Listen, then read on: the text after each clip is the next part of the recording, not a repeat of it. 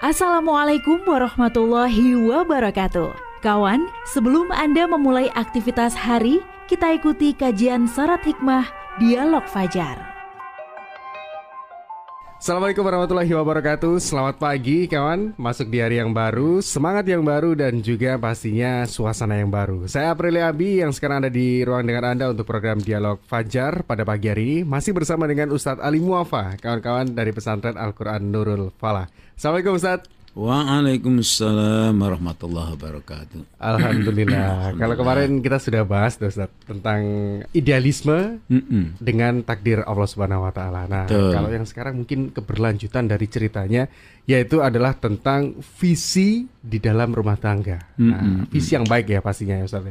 Dan yeah. menjadi salah satu uh, cara kita juga untuk menjaga rumah tangga itu jadi lebih kuat, lebih baik. Mm-mm. Tapi banyak juga beberapa perceraian yang muncul karena mungkin perbedaan visi dan tidak bisa mengatur rumah tangga dengan baik. Ini juga jadi masalah. Gimana? Menurut pandangan Islam, ini kita harus seperti apa Ustaz Ali? Monggo. Ya.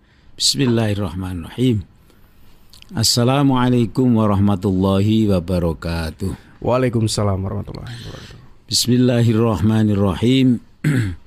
Alhamdulillahirabbil alamin. Assalatu wassalamu ala ashrafil mursalin Sayyidina wa maulana Muhammad Wa ala alihi wa sahbihi ajma'in La hawla wa la quwata illa billahil alil azim Kawan, marilah kita bersyukur kehadirat Allah Subhanahu wa taala. Pagi ini kita bisa bersua ada ya, ya jarak jauh juga ya. ya. Dan bersyukur kita pada pagi hari ini adalah di antaranya karena ada yang sudah menikah, hmm. ada yang menjelang menikah, ada yang uh, mulai berpikir merancang menikah, ya macam-macam lah. Kita syukuri saja kondisi kita masing-masing. Dan Allah berjanji siapa yang bersyukur maka Allah akan berikan tambahan nikmat kepadanya. Amin amin. Nah kawan visi ya dalam pernikahan. Sejauh mana dan sepenting apa uh, visi atau cita-cita dalam membangun rumah tangga itu? Ya saya kira tidak ada sih Mas Abi ya. Orang mau melangkah kepada sesuatu itu tanpa cita-cita atau visi. Rasanya tidak ada lah ya seringan, serendah apa pun atau setinggi apa pun pasti ada.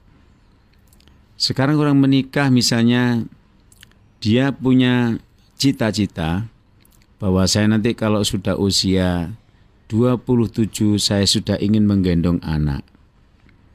Lalu nanti kalau saya sudah berusia 30 saya sudah mengantar anak saya sekolah misalnya. Hmm dia bayangkan sedemikian rupa sampai dia bayangkan dia kepingin menggendong cucu.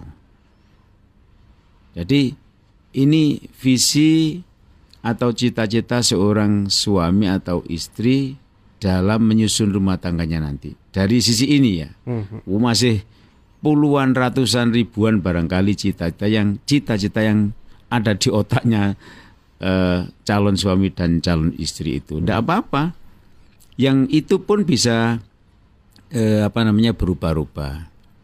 Nah sekarang eh, di dunia kita ini terkadang timbul wah itu cerai karena tidak sevisi. Yeah. Itu kita dengar juga kalimat itu.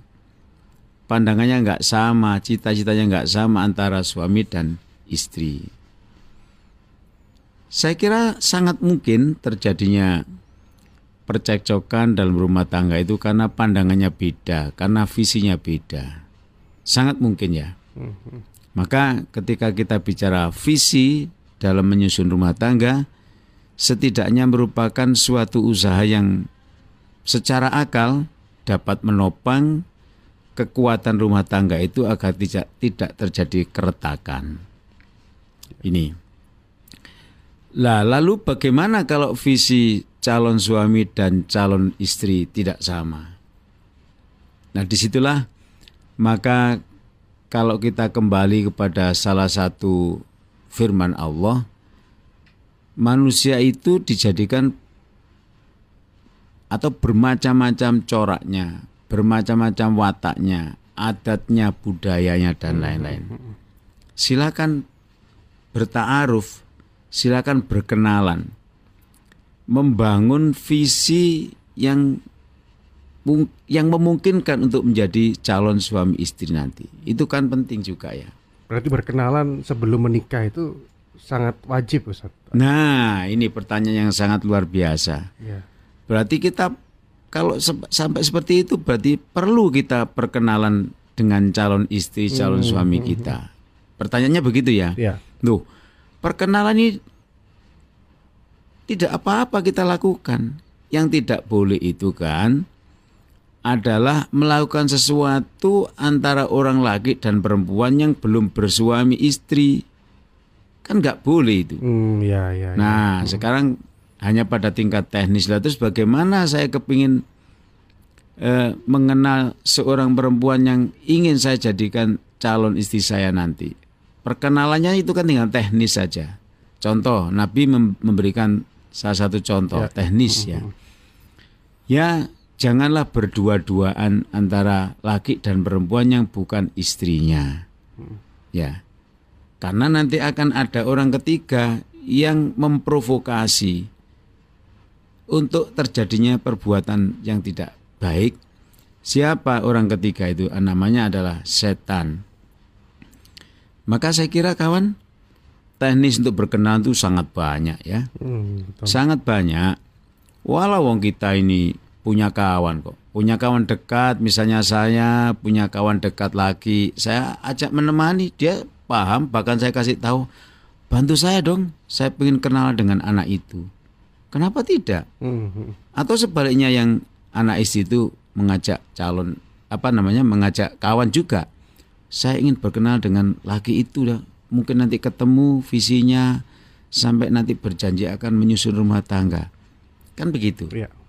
Jadi istilahnya kalau zaman sekarang ini pacaran. Pacaran. Nah, iya, iya. pacaran itu itu istilah yang kalau zaman dulu zaman kita zaman saya masih muda-muda dulu itu nggak baik istilah pacaran itu.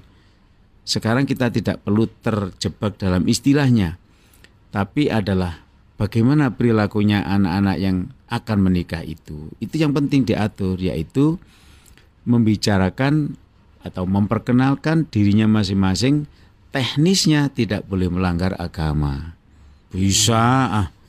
Mas Api saya minta bantuan dong. Saya mau kenal dengan wanita itu tapi kalau sendirian kan nanti ya, ada setan. setan. Mas Api tentu sudah ngerti toh itu misalnya. Mm -mm. Oh enggak apa-apa, enggak apa-apa, Mas nanti bantu-bantu gojok-gojok dikit-dikit gitu loh mas. Akan gitu kan. Akhirnya kan jadi rame. Yeah. yang wanita juga boleh diprovokasi nanti ngajaklah kawanmu biar nggak nggak nggak kaku-kaku amat yeah, gitu kan yeah, jadi yeah. akhirnya kan kita bicara biasa saja akhirnya kan. Ya terbuka. Terbuka betul. Nah, terbuka nggak masalah. Tentu kita punya kawan yang terdekat dengan kita kan dimintai tolong. Kan gitu. Jadi teknis ini perlu diatur agar tidak melanggar aturan agama ini. Mm-hmm. Menikah itu adalah sunnah Rasulullah. Ya, kalau kita berjalan menuju menikah, proses berjalannya ini sudah ibadah. Tapi kalau proses berjalannya ini menyalahi, ya bukan ibadah, akhirnya dosa. Mm-hmm. Maka Nabi kan mengatakan, siapa yang sudah mampu untuk menikah, segera lakukan menikah karena menikah itu akan mengurangi dosa. Ya bahasanya orang Surabaya biasanya celalaan sebelum ya, ya. sebelum nikah. Kalau sudah menikah tidak celalaan, ya gitu ya. ya, ya. Ada orang yang membantah enggak, ini saya menikah tambah celalaan jo gak barokah nikah. ya, ya, ya, ya, ya begitu. Baik, tapi tapi ada juga Ustadz, kalau untuk mm -mm. di mana uh, orang itu sudah merasa siap, semuanya udah ada, semuanya udah matang gitu ya Hmm. Tapi di tengah perjalanan itu pernikahannya gagal. Hmm. Apakah memang ini visi yang tidak tercapai hmm. atau perkenalannya kurang lama atau seperti apa Ustaz? Perkenalan yang lama dan tidak lama itu sama sekali tidak menjadi jaminan ya. Hmm. Tidak menjadi jaminan. Lihat orang-orang tua dulu. Saya masih menangi zaman dulu itu ada anaknya dinikahkan habis kalau dulu itu menikah itu pasti ketika akad wanitanya tidak di diajak ke lokasi. Eh, enggak. Hmm. Jadi akad itu wanitanya di dalam kamar. Dipingit tadi uh, apa ya apa boleh lah istilahnya gitu. Hmm. Jadi ketika kita mengatakan kobil tu nikah haha, saya terima nikahnya ini ini ini, saya akan berbunyi begitu ya sebagai ya. suami. Istri saya itu di dalam kamar, dia tidak dikeluarkan oh. dulu. Ya, ya, ya. Nah, gitu loh, tidak dikeluarkan dulu. Nanti saya masuk ke kamarnya baru ditemukan di situ. Ada tanda tangannya segala macam gitu. Hmm. Baru ketemu itu. Dulunya tidak pernah ketemu, kenal pun tidak. Ini saya bicara orang dulu ya. Iya, iya. Akhirnya setelah menikah itu malu si wanita ini lari. Lari, bener-bener lari. Oh gitu. Bahasanya minggat lah ya. Hmm. Tapi ya tidak minggat seperti bahasa sekarang. Ya dulu kan di desa itu kan masih banyak rawa, banyak pohon-pohonnya lari ke kebun begitu aja.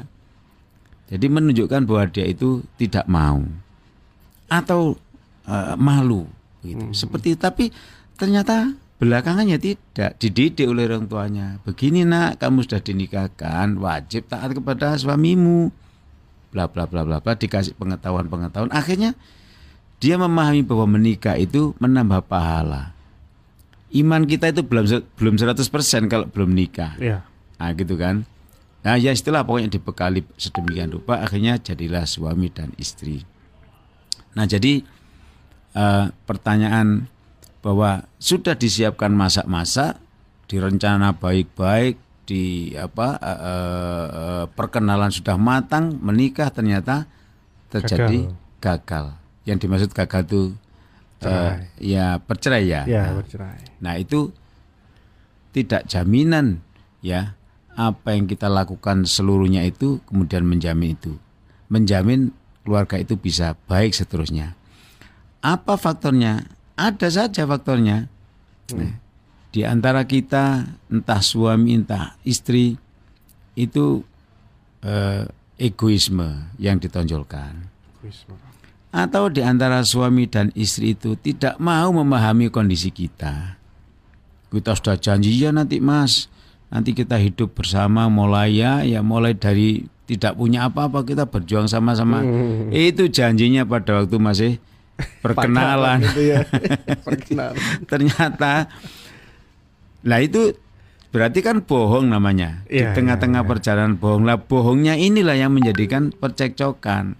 Makanya nggak boleh ya, nggak boleh. Suami pun nggak boleh berbuat kasar. Istri juga nggak boleh berbuat kasar. Semuanya saling menghormati. Jadi wasyawirhum fil amri semua yang kita hadapi itu harus dimusyawarahkan, didialogkan. Mas, Kenapa seminggu kok nggak pernah dibeliin anu aku? Bisa. Mm-hmm. Kan nggak apa-apa tanya begitu. Waduh maaf sayang ya. Maaf, ternyata di luar jangkauan saya, bisnis saya itu mestinya berhasil. Tapi ini tiga kali gagal terus. Mungkin kita diuji oleh Allah sebagai pengantin baru ini. Apakah kita betul-betul orang yang saling mencintai? Tolong dong dibantu doanya ya, ditambah lagi. Itu omongan suami itu Oh, bisa mengatasi masalah itu. Ya. Coba kalau suaminya kamu nyecret saja. Yo, iso buyar, Mas. Iya, iya, iya, Contoh. Uh. Jadi sekali lagi faktornya itu understandingnya itu. Yeah. Ya. Understandingnya itu saling pengertiannya itu harus dipasang di situ. Jadi yakinlah ya kalau kita sama-sama berbuat baik pasti Allah melindungi kita. Saya yakin tidak semua rumah tangga yang sampai mati bareng, berarti ya, kan ya, saking ya. lamanya ya perjalanan. Oh, betul, betul. Itu juga tidak ada kendala dalam rumah tangganya. Tidak hmm. yakin. Selalu ada. Mm-mm, tapi masalah. mereka bisa mengelola, bisa mengatasi bersama. Mm-mm. Tidak lama kawan saya ini, ya. orangnya bagus memang, subhanallah mas. Mm-mm. Suaminya itu sakit, dibawa ke rumah sakit, lalu didampingi oleh istrinya ini sudah tua ini sudah tua. Didampingi saking capeknya, istrinya ganti yang sakit. Bukan ganti yang sakit, istrinya ikut sakit juga. Ikut sakit. Nah akhirnya, masya Allah, yang wafat adalah istrinya di rumah sakit itu. Di rumah sakit itu yang wafat adalah istrinya. Dimandikan di rumah sakit itu. Memandikan mayat itu kan ya cuma berapa sih? Katakanlah satu jam belum selesai memandikan, suaminya ikut meninggal juga. Jadi akhirnya dokumen yang kita temukan di almarinya bahwa beliau itu berjanji sehidup semati itu keturutan. Oh ada perjanjian. ada dokumennya. Masya Allah. Ya, Jadi ya. maksud saya pastilah ada. Oh, itu orangnya dekat dengan saya juga ada masalah juga pernah cerita begini begini uh, biasa pak itu. Begitu. Akhirnya wow. ya itu tadi meninggalnya itu bersama-sama. Berarti jadi visi misi yang sama, menciptakan takdir yang sama itu hmm. ya wih, luar biasa. Jadi begini, akhirnya hmm. kan ada hadis Nabi, ya. ana inta abdi. Berprasangkalah baik kepada Allah, ya. Hmm. Apa yang kita sangka baik, Allah itu pasti jadi misalnya begini. Kalau saya menikah nanti saya pasti menjadi orang kaya. Itu yakini dengan ayat yang pernah kita sebutkan kemarin itu. Ya. Allah itu ngandut dengan mau kita kalau di bahasa Jawa kan. Jadi kalau kita positif thinking kepada Allah, saya menikah tidak bakal mati kena kelaparan karena Allah berjanji. Itu keyakinan kita dan Allah akan berikan kekayaan. Tapi kalau dibalik nanti pas saya ini daplek belum belum cukup apa-apa menikah, Terus nanti tambah mati kelaparan, mati temenan kelaparan. karena dia tidak menghormati maunya Allah tadi itu. Ah. Saya ulangi, ana saya saya Allah inda abdi. Apa kata prasangka hambaku? Kalau hambaku berprasangka baik, ya baik yang datang. Kalau hambaku berprasangka tidak baik, yang datangnya tidak baik. baik betul. Jadi itulah meletakkan Allah di number one, ya. Number one. The first Allah yang harus maha segala-galanya. Hmm. Jadi gimana ya? Betul, jadi, jadi uh, membangun uh, visi, visi di awal itu penting, kemudian dirawat pernikahan kita itu harus dirawat. Merawatnya di antaranya adalah dengan understanding, saling pengertian, saling menghormati, ya apa yang dilakukan oleh suami. Suami itu banting tulang sebenarnya, ya. Saya pernah dapat nilai dalam hidup, ya. misalnya, misalnya ini, dan itu ya ikro membaca keluarga orang-orang lain. Saya bilang, kenapa Anda sebagai suami kok ikut mengerjakan pekerjaan wanita, pekerjaan istrinya maksudnya? Ternyata jawabannya di luar dugaan. Suami itu mengatakan, saya akan bertanggung jawab terhadap apa saja yang ada di rumah ini. Masa istri saya mau saya perbudak? Ya melakukan ini, ini, ini, ini. Nah ketika saya belum punya pembantu, istri saya saya bantu untuk cuci-cuci itu. Dia hmm. bilang cuci-cuci, mencetrika apa segala macam. Tapi itu kan pekerjaan wanita. Iya, apa salahnya kalau saya bekerja demi cinta saya kepada istri? Loh, Pak, hmm. beda toh. Beda. Dia intinya itu, istrinya itu janganlah habis tenaganya untuk bekerja melayani pekerjaan kasar bagi suaminya. Suami ini membantu istri dengan dalih karena ini kewajiban saya dan saya belum bisa memberikan pembantu, maka saya turun tangan. Betul. Begitu ikhlasnya si suami mengerjakan pekerjaan si istri itu, istrinya malah nggak boleh mas. Gitu. Ya? Jangan mas, ini pekerjaanku kok, ini kewajibanku kok. Akhirnya rebutan mengerjakan.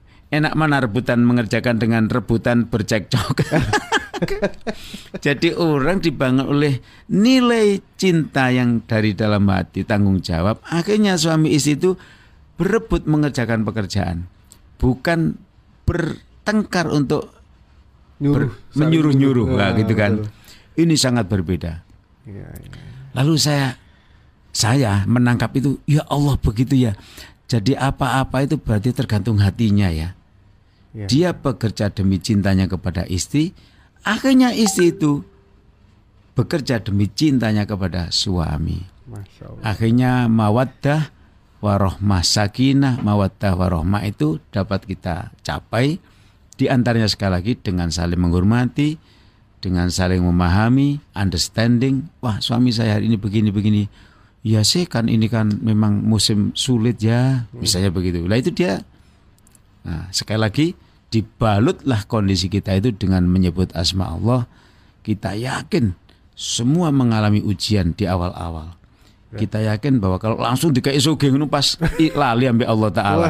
Nah, itu suaminya harus bisa begitu gitu yeah, ya. Yeah, yeah, kalau kalau istrinya ngomel mohon maaf ya yeah. bahasa bahasa tidak baiknya ngomel walah bolak balik ndungo bolak balik ndungo berarti dia belum masuk di hatinya nah, itu tugas suami untuk membuat istri sebagai calon penghuni surga ya seperti itu gitu loh mas ya ya yeah. jadi mudah-mudahan obrolan ini uh, dapat uh, membuat kita lebih inspiratif lagi dalam mengelola keluarga dan rumah tangga kita termasuk anak-anak remaja yang akan menikah gitu ya. Amin, amin. amin. Itu dia kawan ya. Semoga semangat terus dan mungkin kalau untuk kita juga bisa semangat juga untuk beraktivitas pada pagi hari ini.